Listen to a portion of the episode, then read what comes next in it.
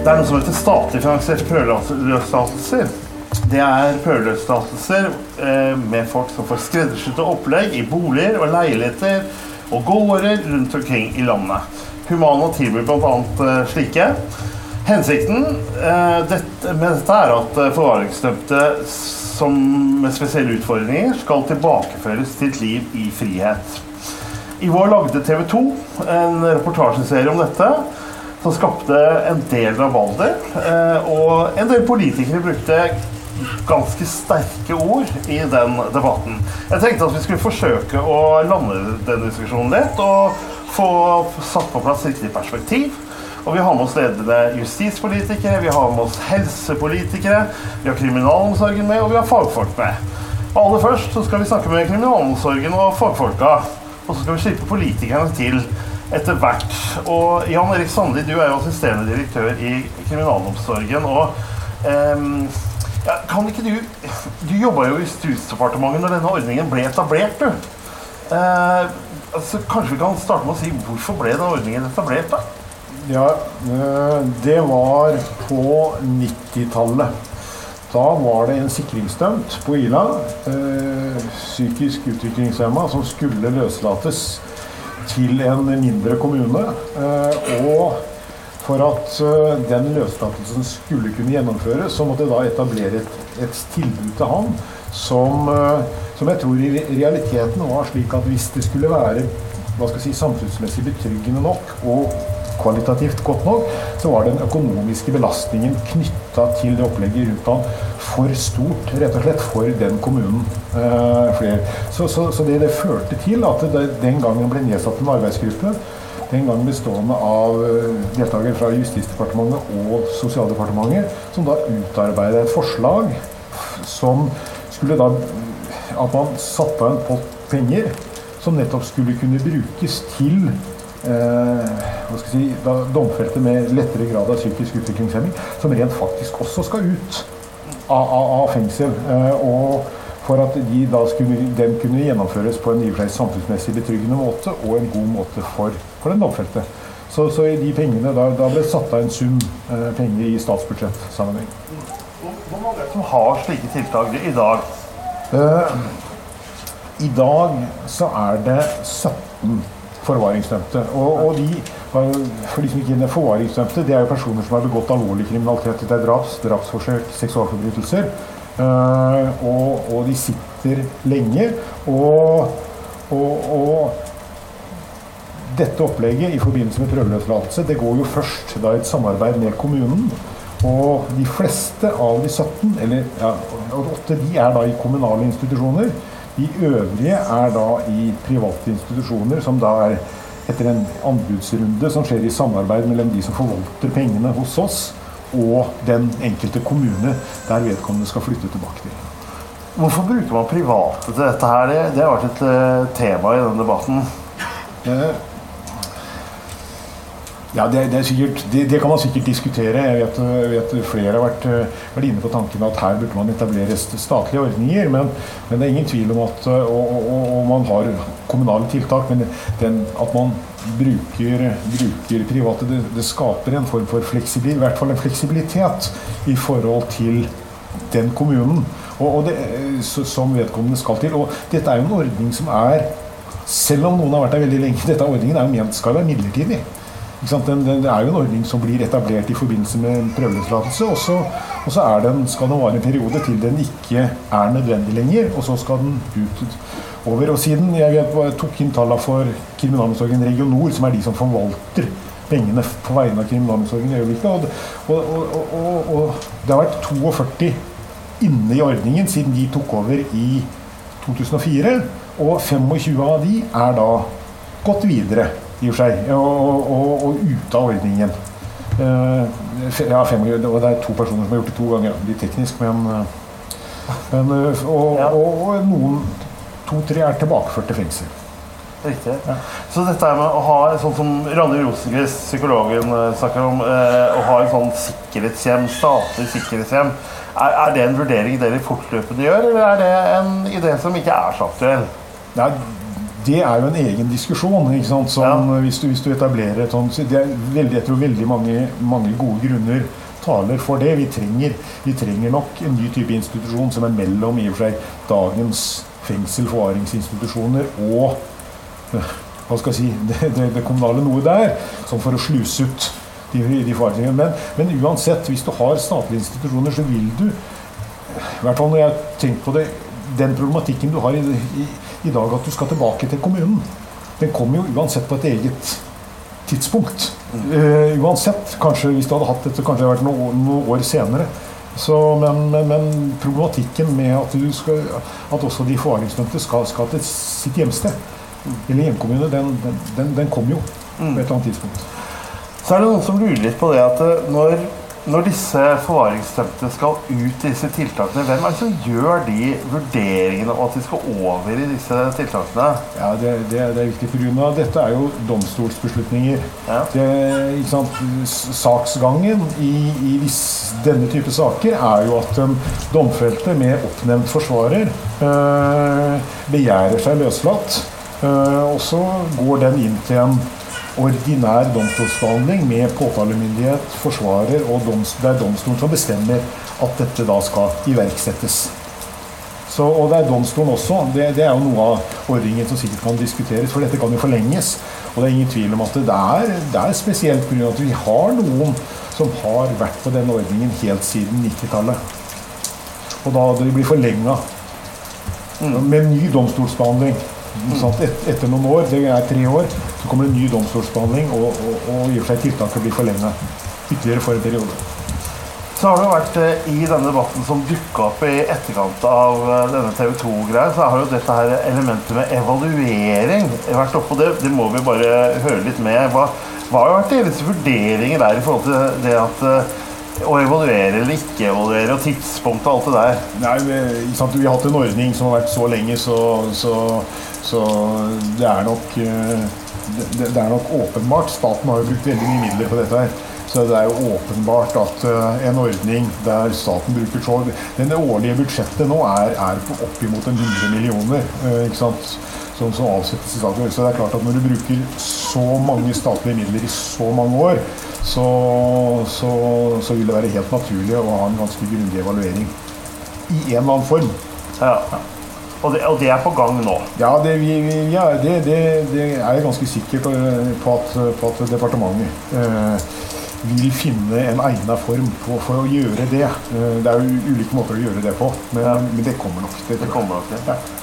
Men, men Sander, kan du si noe sånn oppsummeringsmessig Hvordan vurderer dere disse tiltakene her august 2022? Hva- hva- Hvordan tenker dere at det fungerer? Altså, Ja, det er, det er, det er, jo- er over i en sånn Begynner å nærme deg en sånn, sånn, sånn den politiske verden. Ja. Eh, så- Men du har jo en oppfatning av det? jo, jo, oppfatning av det. Men, men det, det vi i hvert fall ser, er at ordningen fører med seg at personer kommer ut av også disse som er da lettere psykisk utviklingshemma, som er regnet som farlig, og som ikke, som ikke vil løslates på en ordinær måte. Det er nok grunn til å tro at mange av de i dag vil bli værende på, på, i en forvaringsanstalt.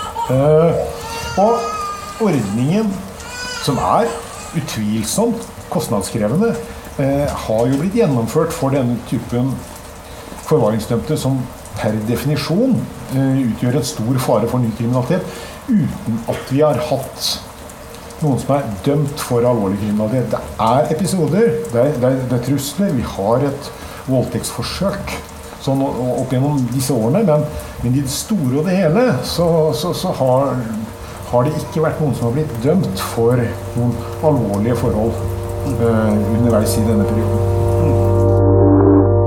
Marita Fiksdal, du driver jo et sånt type tiltak. En sånn type plassering. Eh, Kan du, kan du si noe litt om hvem, hva slags type menneske er det som er et sånn type tiltak? Altså jeg kan jo innledningsvis begynne med at når vi får en sånn type sak, så er det jo allerede fatta en beslutning, altså en, en dom på en prøveløslatelse. Eh, det er jo foretatt grundige vurderinger på eh, at dette er en riktig ordning for den det gjelder. Eh, Vanligvis så Altså dette gjelder jo en liten andel mennesker, hvis man ser i det store og det hele. Og likhetstrekket mellom de er jo nettopp det som du er inne på. altså Gjerne at de har en, en sammensatte vansker, eh, alvorlige psykiske lidelser, eh, utviklingshemninger som gjør at de trenger et annet opplegg enn andre som skal løslates ifra, fra fengsel. Og det er et viktig poeng ut ifra de tjenestene som vi faktisk da eh, leverer. Eh, og klart Når vi får en, en, sånn type sak, så er det jo en hel masse vilkår som er eh, domslutta, eh, som man skal følge opp. Eh, som setter rammene for hvordan de tjenestene faktisk skal være. Og klart, Det er veldig individuelt. Det er ut ifra den enkeltes sak, alvorlighetsgrad, eh, det kan være historikk, eh, som på en måte setter rammene for å sikre både forsvarlige tjenester til den som kommer ut, men også ikke minst det rettssikre. Mm. Eh, og klart, Her er det jo en hel masse sikkerhetsinstrukser, eh, kvalifikasjonskrav eh, som stilles til oss som, som tjenesteleverandører. Og det kan være veldig individuelt ut ifra de ulike sakene. Og, og det, det, det, er ting som kriminalomsorgen stiller premissene for? ikke sant? Ja, det er helt riktig. Og det er ting vi må innfri. Eh, og det handler jo igjen om at det her skal være en forsvarlig ordning eh, for å ivareta både samfunnets behov for sikkerhet, men også den enkeltes behov.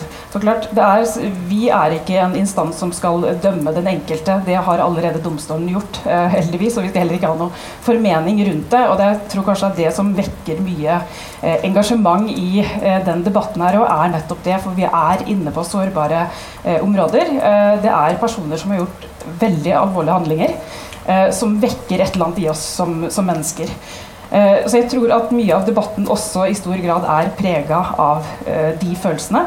Og så er det jo sånn at samfunnet vårt er jo bygd opp sånn at vi har en domstol. Eh, som dømmer, eh, som, eh, som, gir passelig staff ut ifra hva, hva, samfunnet anser. og så er det jo et mål om en rehabilitering ut i samfunnet igjen. Og så er det jo en god del av disse som da er innsatt, som igjen tilbake til poenget med at de har alvorlige psykiske lidelser som trenger en annen type oppfølging enn hva kanskje andre gjør. Hva ville vært alternativet til å være f.eks. i denne, denne, denne, en sånn type tiltak som du driver, da, for disse? Alternativet er jo at de løslates uten noen form for eh, oppfølging i kanskje mye mindre grad, eh, som igjen vil gå utover eh, sikkerhet og forsvarlighet. Et annet alternativ er at de blir værende i fengsel. Og da er vi inne på er det riktig med, med det målet hvorfor skal ikke personer med alvorlige psykiske lidelser heller få et tilpassa opplegg knytta til det der. Hva er det som gjør deg og dine ansatte spesielt kompetente til å gjøre dette her? Det her handler jo om eh, altså, kompleksiteten i de utfordringene som eh, de innsatte har. Eh, det er alvorlige psykiske lidelser. Eh, vi har helsepersonell med god og bred erfaring og kompetanse eh, knytta til disse lidelsene. Som kan tilrettelegge med det mål om å faktisk rehabilitere. For det er jo det som er målet her, er jo nettopp det at de faktisk skal kunne fungere ute i samfunnet igjen. Men de trenger en litt annen type tilrettelegging enn hva kanskje andre har. Hva tenker du om dette her at uh, det kalles jo en trygghet for samfunnet at man har dette her. Um, hvordan kan du være sikker på at vi har kontroll? Det gjøres grundige vurderinger. Først og fremst gjøres det grundige vurderinger før noen kommer på en sånn type ordning. Uh, i begynnelsen så er det veldig vanlig at det er et strengt regime. veldig strenge vilkår. og vi har jo òg Eh, grunnleggende risikovurderinger som ligger til grunn. Det er personell som har kompetanse på både de utfordringene de lider med, eh, utfordrende atferd, og det her foregår i veldig kontrollerte former. Og så er det et mål om at det skal være en progresjon i det her også. Eh, det er strenge krav til oss som tjenesteleverandør i forhold til dokumentasjon, i forhold til faglige metoder, i forhold til det målretta arbeidet som vi faktisk driver, at det dokumenteres godt også. Og, og det rapporteres til kriminalomsorgen? Vi har et veldig veldig tett samarbeid med kriminalomsorgen eh, knytta til kontinuerlige vurderinger. Og skal det gjøres endringer i noen vilkår, så gjøres jo det av kriminalomsorgen og ikke oss. Eh, og det foretas jo på bakgrunn av både våre observasjoner eh, ut ifra hvordan vedkommende fungerer innenfor de rammene som faktisk er. Eh, fordi, eh, Marita, det var, det var, jo mye debatt, som jeg sa i stad, når dette her var oppe i media. Og, og, Og ditt tiltak for å kalle det det, var også nevnt i, i, i denne debatten. Altså, Hvordan opplevde du det? Jeg opplevde vel at det var en debatt prega av et økonomisk og ressursmessig fokus. Um, jeg syns det var lite fokus på faktisk menneskene bak. Eh, klart Igjen så er vi inne på en del etiske dilemmaer her. For klart vi har en del pårørende som har vært gjennom helt uh, grufulle handlinger. Uh, de sitter igjen med, med, tap. Og det er jo det som jeg tror kanskje også vekker mye følelser hos folk i en sånn type debatt, når det kommer frem uh, hvilke store summer, at de skal fotfølges av eh, to personale til enhver tid, at samfunnet skal bruke penger på det her. Det har jo vært en litt sånn underliggende tone i forhold til at fortjener de det virkelig? Ofte så ser man kanskje bare handlingen som de har gjennomført, fremfor at de faktisk skal ha retten til å komme tilbake og få en ny sjanse, som faktisk er grunnleggende prinsipper som ligger i vårt samfunn. Ingrid Foss, du er justispolitiker eh, på Stortinget for Høyre. Eh, du har sittet på veldig kort årsdag, for du skulle, da Sveinung Stensland skulle vært her. Men det er veldig fint at du, at du, at du kommer. Men jeg må nesten spørre deg, for at eh, Stensland har jo kalt disse tiltakene for ko-ko-tiltak, ifølge TV 2. Er dette ko-ko-tiltak? Kanskje si som er nå. Jeg vil ikke akkurat brukt de ordene, men uh, Nei, altså, men uh, som de var inne på her i starten, så er jo dette en ordning som har fungert lenge med vekslende regjeringer. Sånn at tida nok er overmoden til en evaluering av om dette er ja, gå gjennom det for å, for å, se på om eh, det kan gjøres bedre. Eh, og det er jo et viktig element i dette i forhold til at eh, terskelen for å bli dømt til tvungent psykisk helsevern er blitt lavere. Sånn at i framtida vil det jo bli flere som blir dømt til dette. Og det er jo viktig både i forhold til til rettssikkerheten og menneskeverdet, som du har vært inne på, at de får ei Ja, at tilbudet er bra, og òg det økonomiske aspektet i det i forhold til hvor mye penger som skal brukes eh, på dette. Og I tillegg så har jo den dimensjonen med samfunnsvernet som er viktig. Og Det er jo eksempler rundt der eh, det er ganske vanskelig for kommunene når disse blir kommunenes ansvar og de ikke har noen tvangsmidler i forhold til å kunne skjerme dem både for seg selv og andre. Og at eh, det òg kanskje må tenkes nytt i forhold til det ansvaret som kommunen får, og hvilke virkemidler de kan bruke. Så at dette er moden for gjennomgang, det tror jeg vi ser veldig tydelig. Men Er den gjennomgangen eh, motivert ut fra eh, justispolitiske aspekter eller økonomiske aspekter? Jeg tror det er begge deler. Mm. Vi må jo være opptatt av at pengene blir brukt best mulig, og at samfunnet får det vernet som er nødvendig, og at menneskene får eh, den rettssikkerheten og det menneskeverdet som, eh, som vi vil ha. Mm. Marie Aasen Svensrud, du er stortingsrepresentant for Arbeiderpartiet og justispolitisk eh, talsperson. Um, du har jo også etterlyst eh, en evaluering av ordningen, ganske tydelig. Um, Føler du signalene du får fra kriminalomsorgen nå er betryggende på at det kommer en evaluering, eller, eller hvor fort forventer du at dette kommer? Nei, altså det er vel antageligvis Jan Erik Sandli som sitter og venter på at vi skal si at nå skal vi sette i gang en evaluering, og du tok det på en diplomatisk og god måte, eh, som alltid. Så det er bra.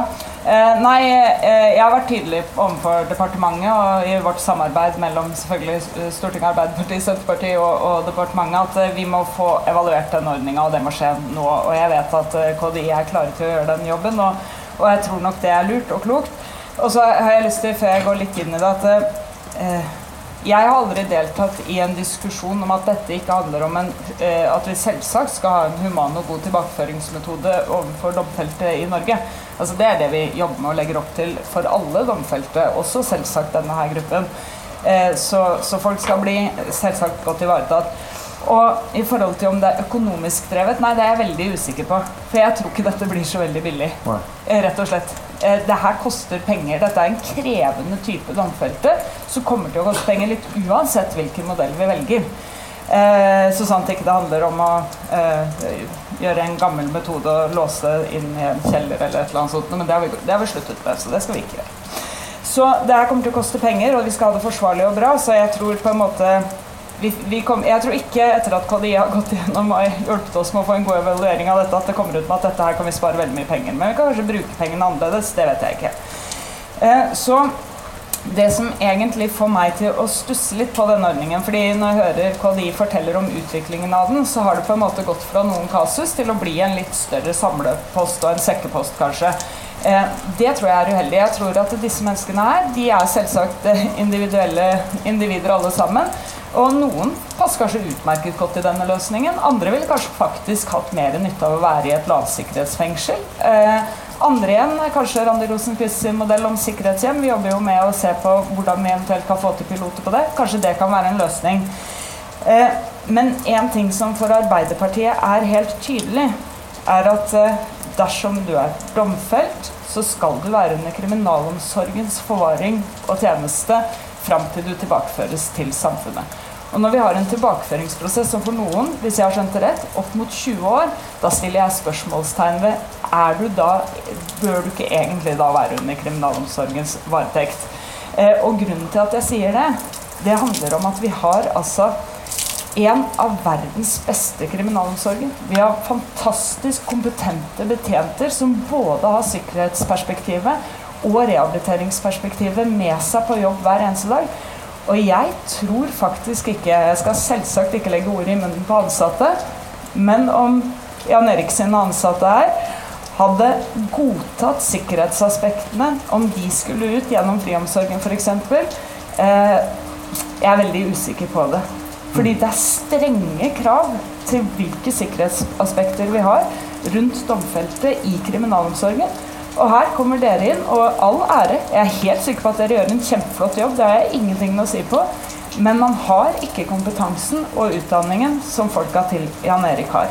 Det forundrer meg litt. Jeg er litt usikker på, usikker på sikkerhetsperspektivet. Så i evalueringen så må det komme opp hvem eier egentlig, og nå sier jeg det i problemet. Mm. Har vi nå dyttet en utfordring knyttet til en gruppe krevende domfelte som skal tilbakeføres, over på kommunene. Og kommunene finner varierende eh, måter å følge de opp på. Eier ikke egentlig kriminalomsorgen denne utfordringa? Det må være en del av evalueringen. Um, så, så ja, ja, jeg går tilbake til Jeg tror vi har fått en eh, sikkert uh, en ordning her som en eller annen gang uh, under Knut Storberget, tror jeg, Eh, kom på plass. Og man tenkte det var en god løsning, og så har det fått utvikle seg. Nå må vi gå en runde på dette her. Og jeg eh, heier veldig på f.eks. også friomsorgen. Der er det mye kompetanse, og at friomsorgen kunne hatt en større del av dette arbeidet. Ja. Så, men det er på, øh, viktig for meg å understreke at dette handler ikke om noe kritikk i forhold til deres arbeid og den oppgaven dere har fått å forvalte på vegne av det offentlige øh, gjennom øh, avtaler med kommunene. Helt sikker på at det er veldig veldig bra, men nå er det på tide med en evaluering. Men, men allikevel så må jeg liksom dra deg på ordet på det, Marita. For det blir jo stilt spørsmål på en gang om kompetansen deres. Det er klart, og jeg hører jo at eh, Du har jo veldig sikkerhetsperspektiv, og klart det er et viktig fokus for oss òg. Mm. Personell er drilla i sikkerhetsfokus. Vi har et tett samarbeid med kriminalomsorgen for å nettopp ivareta det her. Mm. Det er jo igjen veldig individuelt utforma i den enkelte sak hva slags kontrollfunksjoner man har. Både knytta til bemanninga, men også alarmfunksjoner, f.eks. Eh, men klart, det jeg synes er litt viktig å poengtere, er at vi ikke mister det rehabiliteringsfokuset her. Mm. Eh, fordi at det er et mål om en tilbakeføring. Ja, vi har et sikkerhetsperspektiv, men vi må ha med oss begge deler her også. Mm. Eh, til sammenligning, da, hvis man ser på andre tjenestemottakere i helse- og omsorgstjenestene, så kan vi òg dra mye paralleller mot der mot personer som lider av samme psykiske lidelser, har omfattende tjenestebehov, så er det ikke unormalt heller at man har en såpass tett døgn bemanna oppfølging for å kunne ivareta deres eh, behov og hjelp og veiledning til å faktisk mestre hverdagen. Da. Du, jeg har lyst til å trekke inn deg også, Hans Inge Myhrvold. Du, du, er helsepolitiker fra, fra, fra Senterpartiet.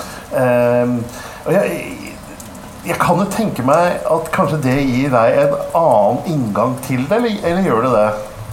Ja, På mange måter så gjør det jo det. Eh, men, men, det viktigste her, sånn jeg tenker, jeg vil bare stadfeste at eh, jeg vet at statsråden og eh, justisministeren er veldig tydelig på at en evaluering er helt nødvendig. Og så tenker jeg, i den fasen en er nå, og den debatten en har rundt dette som på en måte tiltak i samfunnet akkurat nå, så tenker jeg at det, det, det er viktig å eh, på en måte òg se litt til jeg Det har jo vist innledningsvis til, til, til um, denne TV 2-artikkelen eh, og disse prikkene på kartet, Mm. eh, som forklarte oss på en måte hvor disse tiltakene hadde funnet sted. Eh, og, og jeg var jo faktisk ordfører eh, i en av de kommunene som, eh, som, eh, som eh, et sånt tiltak etablerte seg. Eh, Så jeg har litt kjennskap til hvordan det har fungert, og i et lokalsamfunnsperspektiv. For da tenker jeg er jo veldig viktig, da. Én ting er jo på en måte Vi må jo ha respekt for de vilkårene som domstolen setter. Og jeg vet også at kriminal, det er jo ikke sånn at kriminalomsorgen på en måte forsvinner fra dette bildet. De har jo en ty betydelig oppfølging med, med, med, med de aktørene som, som, som da um, har, utfører disse tjenestene. Uh, og, og, um, men, men da perspektivet med at kommunene, som i utgangspunktet blir satt til å håndtere dette, men i samarbeid med kriminalomsorgen finner gode løsninger. Jeg syns den modellen er veldig sånn, tillitsfull og god. da. Mm. Eh, og så får vi jo se og den, hva en potensiell evaluering vil, vil gi oss av, av, eh, av svar. Men, men det eksempelet fra den kommunen du var ordfører, var, er jo et veldig sånn godt eksempel på den positive siden. ikke sant? For det, det er en som er veldig, blitt veldig, veldig integrert i, i lokalsamfunnet igjen. En slags solskinnshistorie, historie, som man kan kalle det. Ja, så du kan si De historielinjene som jeg eh, kan på en måte dra opp, og som jeg har eh, kjennskap med, eh, er jo nettopp at eh, den ordningen har eh, da gjort eh, at vedkommende har blitt integrert i samfunnet. Og på mange måter er har, da, da underbygger jo at ordningen på en måte i hvert fall ikke er koko-ordning. Mm. Eh, eh, så, så, så, og så skal vi eh, selvsagt jobbe mer politisk med dette, men, men, men i dette tilfellet kan vi titulere det som en solskinnshistorie. Kom igjen. Ja, jeg er jo, jeg er jo, jeg er jo helt overbevist om altså, Hvis ikke dere og andre som leverer tjenester innenfor dette, her hadde klart å levere tjenester som ga solskinnshistorier og hadde gode resultater, så hadde antageligvis KDI kommet for lenge siden og sagt denne ordningen må evalueres nå. Eh, så selvsagt, eh, og det er jo bra.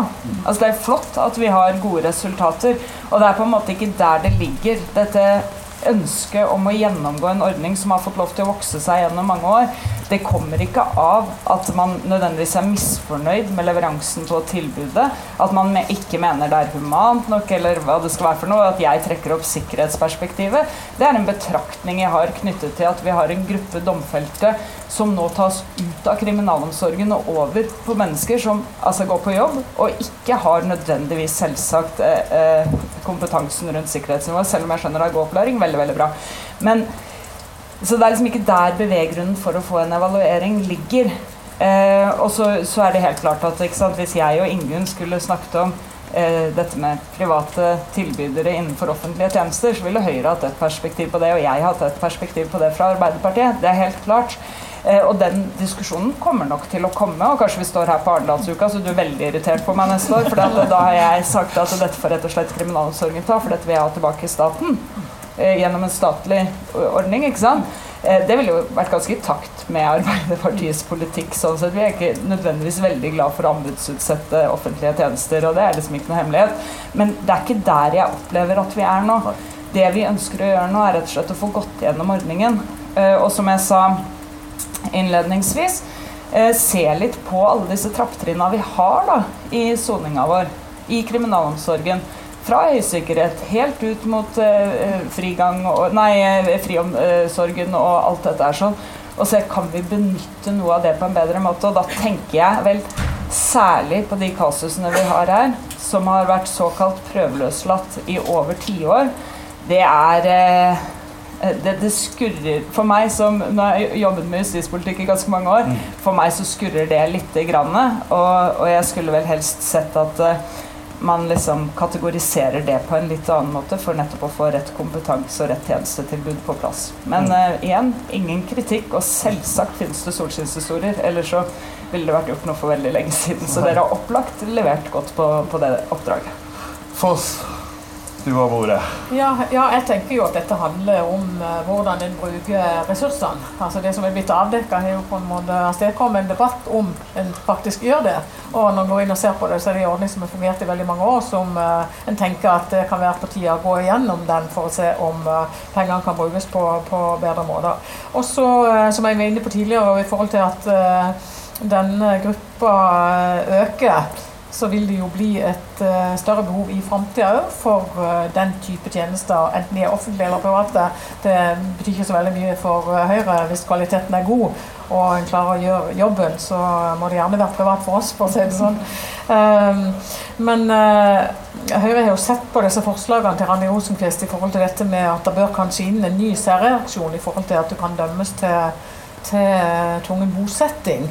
Og at som Maria sier, hvis du er på en måte i et tiltak i 20 år, så er det kanskje en stor sjanse for at du må ha beskyttelse resten av livet, for å si det sånn, i noen uh, tilfeller. Og vel, i uh, hennes redegjørelse så står det vel noe om at omfanget sånn er ca. 100 personer i året som, som, dette Nei, ikke i året, men til, til enhver tid, kanskje, som uh, vil være i denne gruppa som trenger disse tiltakene.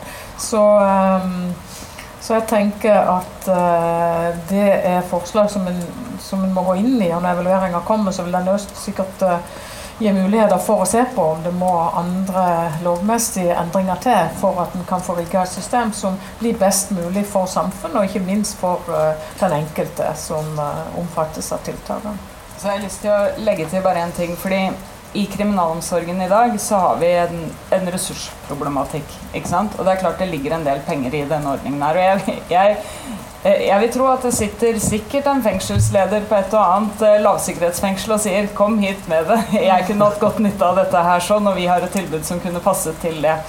Eh, og det å på en måte Når man gjør evaluering av disse tingene som eh, vi holder på med i kriminalomsorgen, eh, så så vil det også passe godt med å se har vi, eh, er kriminalomsorgen per i dag dimensjonert for disse. For nye typer dommer, sånne type ting. I en eh, debatt vi har vært i tidligere, vi har snakket mye kriminalpolitikk denne uka, så, så diskuterte vi også eller jeg løfter fram perspektivet om gradering av sikkerhetsnivåer. Noe som kanskje også kan være interessant. ikke sant? For i dag så er vi, i Norge så er vi litt sånn høysikkerhet, lavsikkerhet ut. Eh, men det å lage flere trappetrinn i soningstrappa for å gradere det. Vi kan snakke om sikkerhetshjemmene. Det var jo, Randi har jobbet med dette i årevis, og nå har jo nesten alle partier begynt å ta det inn i programmene sine, så nå burde det vel snart komme en erklæring at vi skal ha det her. så, så, så, det er noe med å begynne å se liksom, Er vi finjusterte? Klarer vi å fange opp alle de vi skal i kriminalomsorgen? Og hvordan gjør vi dette enormt viktige tilbakeføringsarbeidet? ikke sant? Og det er du opptatt av. Du kan mye om det.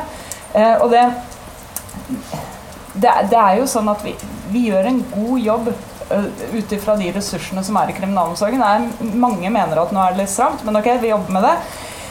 Men så er det den linken ut mot samfunnet, og den er krevende. Og der jobber dere. Der jobber friomsorgen. Men er den også god nok? Altså, det, er mer sånne ting vi kan se på. Så jeg tror at diskusjonen om det her kan ende opp med at vi får en nyttig diskusjon om hele helesoningstrappa ja, og, og, flere andre ting. Og det blir egentlig spennende å se når fagfolka og Jan Erik har fått lov til å jobbe litt med det, og hva vi, hva vi da kan, kan, komme ut av, og se hva, hvor politikken ligger òg, da. Ja, for det er mye fag her, tror jeg. Ja, det tror jeg også, faktisk. Men Milo, Miro, hva tenker du? Ja, jeg vil bare nette dette med den private og offentlige sfæren som er så vidt grensa litt innom. Jeg tenker, Det er jo det offentlige sitt ansvar, punktum. Eh, og så vet vi da, og det ble jo presentert her på scenen eh, før vi kom opp, at det er mange kommuner som håndterer det innenfor de rammene som de avklarer med kriminalomsorgen i dag. Så, så, så det er ikke, dette er jo ikke et privat tjenestefenomen som er unikt. Dette blir håndtert. Og så tenker jeg at Eh, sånn som jeg har forstått basisen for eh, de private innslagene, de private tiltakene, er jo ofte at eh, en ser at kommunene ikke i, nødvendigvis er i stand der og da, for dette skal jo òg skje innenfor en rimelig kort tidshorisont. Så, så da at en har et større mangfold å spille på, tror jeg danner jo grunnlaget for den ordningen sånn som ligger nå. Og så er det jo dette med tverrfaglighet. Jeg er jo veldig selvsagt opptatt av det helsefaglige her, men jeg vet jo at en legger jo veldig stor vekt på andre, altså andre eh, fagområder eh, og inn i, i, på en måte da teamet rundt eh, disse personene. som skal på en måte sikre eh, både en verdighet rundt det, men òg at en får en tillitsfull og god ordning. Så, så det ligger jo òg en del elementer som er viktig å ta med seg i det videre arbeidet med, med en evaluering. Mm. Men hva for alle venter på denne evalueringen. Alle, alle sier at vi skal få avvente hva som kommer. Men, eh, men eh, Ingrid Foss, hva, kan være konkret, hva vil du ha ut av en sånn evaluering av denne ordningen? Ja, Det første eh, som er viktig for, for, Høyre, det er jo å se på pengebruken. I forhold til det som er omfanget av det, og se om en kan bruke pengene på bedre måte. Uh, også, ja, vil du da spare penger, eller vil du bare se på hvordan de brukes? Det er aldri feil å spare penger hvis man kan gjøre det, men Nei. det er jo ikke så lett. Det vet vi jo. At uh, det er ikke så lett. Det er vel behov for mer penger enn uh, mindre, men det er jo viktig å bruke pengene rett, i hvert fall. Ja. Det er fellesskapets penger. Og så, som tidligere sagt, så, så, har vi jo sett på disse forslagene til Randi Rosenquist, og jeg tenker at der ligger nok mye i forhold til spesielt det med samfunnsverndelen. For vi har jo hatt mange eksempler der folk er veldig vi har jo en kommune her i Agder som uh, har reist denne problematikken på nasjonalt nivå i forhold til at de har mange som uh, er ut og inn av psykiatrien, og som er i kommunen der de har dårlige Eller der de ikke har de midlene de trenger for å ivareta dem på en god måte. Hvilken kommune er det? Vennesla kommune. Ja. ja. så de har jo jobba med den problematikken veldig lenge i forhold til å både gi disse menneskene en eh, verdighet og en rettssikkerhet opp mot samfunnsvernet, der eh, noen steder i bygda er veldig problematisk uh, i forhold til dette. Sånn at, og vi ser jo eksempler på at det skjer ting som, som krever at en tenker nytt om dette. Og dette med sikkerhetshjem er jo da selvfølgelig et element i det som vil på en måte gi en mulighet for en ting imellom fengsel og, og frihet, som kanskje en må se nærmere på, i hvert fall. Ja. Jeg tenker Det viktigste er nå, når vi ber kriminalomsorgen om å gjøre en evaluering av en ordning, så handler det om løser vi samfunnsoppdraget på en god måte. Altså samfunnsoppdrag til kriminalomsorgen det er jo tilbakeføring og forhåpentligvis lovlydige liv. ikke sant? Og skal vi gjøre en jobb på veien dit. Hvordan løses det per i dag? Er det hensiktsmessig? Oppnår vi de resultatene vi vil? Er ting som sikkerhet, faglighet, eh, alt dette her sånn, er det på plass? Er det der det skal være? Det er jeg spent på å se. Er vi fornøyd med det? Hvorfor står vi i det hele tatt og debatterer det hvis alt er strålende solskinn og kjempefint? Er det da et problem? Jeg, det, jeg tror nok det er noen ting å ta tak i løse samfunnsoppdraget som kriminalomsorgen har for domfelte, som vi har i forhold til våre straffedømte, løser vi det på en god måte. Det må være pri én. Og så er det det som jeg snakket om, dimensjoneringen. Hvordan er kriminalomsorgen rustet i forhold til denne gruppen i dag? Bør det være i kriminalomsorgen? Og da kommer vi over på ansvaret. Hvem har ansvaret for disse domfelte? Eh, og det er for meg litt utydelig per nå. Fordi for meg så er det ganske opplagt at hvis du er på en prøveløslatelse i 20 år, da du, tilhører du kriminalomsorgen, og ikke kommunen din. Eh, det er en politisk vurdering. Kanskje den krasjer helt med den faglige. Mm. Men for meg som justispolitiker så syns jeg det høres snodig ut. Og så er det jo noen andre som er mye kortere tid, så det kanskje passer helt utmerket for. vel. Og, og da blir jo til slutt her, så blir det når vi har snakket om løser vi samfunnsoppdraget, er dimensjoneringen ok, hvem skal ha ansvaret, så må man jo selvsagt si dette er jo ikke en homogen gruppe mennesker. Altså Disse virker jo som mennesker med veldig spesielle, særskilte behov. Ok, Hvor kan vi da best nyttiggjøre oss av tjenestetilbudet, og hvor skal det være? Kanskje noen skal fortsette sånn som det er i dag. Kanskje andre skal inn i et annet del av kriminalomsorgen eller noe annet. Eh, det håper jeg å få ut av denne evalueringen. Det tror jeg kan bli veldig spennende. Det er fengselsfaglig spennende, det er samfunnsoppdrag spennende og politisk spennende. Ja, veldig spennende. Og, og, og dere har jo justisministeren, uh, Myhrvold. Uh, kan, hva, hva, tenker du er en, en rimelig tid hvor folk kan tenke seg å få svar på en sånn evaluering? Nei, Jeg skal være forsiktig med å anslå noe eh, helt uh, konkret på det. Men, men, men, jeg tenker jo at uh, dette må komme så raskt som overhodet mulig. Sånn at, for dette er en, en viktig sak å, å få, få starta og jobbe mer politisk med. Uh, så vi, vi, er jo veldig ivrige på å få, få uh, en, uh, en, tidfesting på dette. her. Men jeg, jeg skal være, jeg veldig forsiktig med å si noe her på det. Mm. Ja. tida løper. Marita, når du hørt på politikerne, kan du si litt hva, hvilke tanker du har om dette her som fagperson eh, framover? Eh, jeg, jeg stiller meg positiv til at det skal bli en evaluering. Eh, det tenker jeg er, det trenger vi overalt, eh, om det er helse- eller kriminalomsorgen. Fordi at vi hele tida kan drive kvalitetsforbedring i det vi gjør. Så det tenker jeg er, det er godt. Og resultatet av det blir spennende å se. Og så er det jo litt med hvilket fokus man har i den evalueringa. Er det det økonomiske? Altså det er flere aspekter, faktorer her som man på en måte må ta hensyn til i en evaluering. Du har hørt en podkast fra Humana Innsikt. Besøk gjerne vår nettside humananorge.no, eller følg oss på sosiale medier ved å søke opp Humana omsorg og assistanse. Ansvarlig redaktør for podkasten er marked- og kommunikasjonsdirektør Hans Henrik Sørensen. Likte du det du hørte, er det hyggelig om du anbefaler podkasten videre til andre.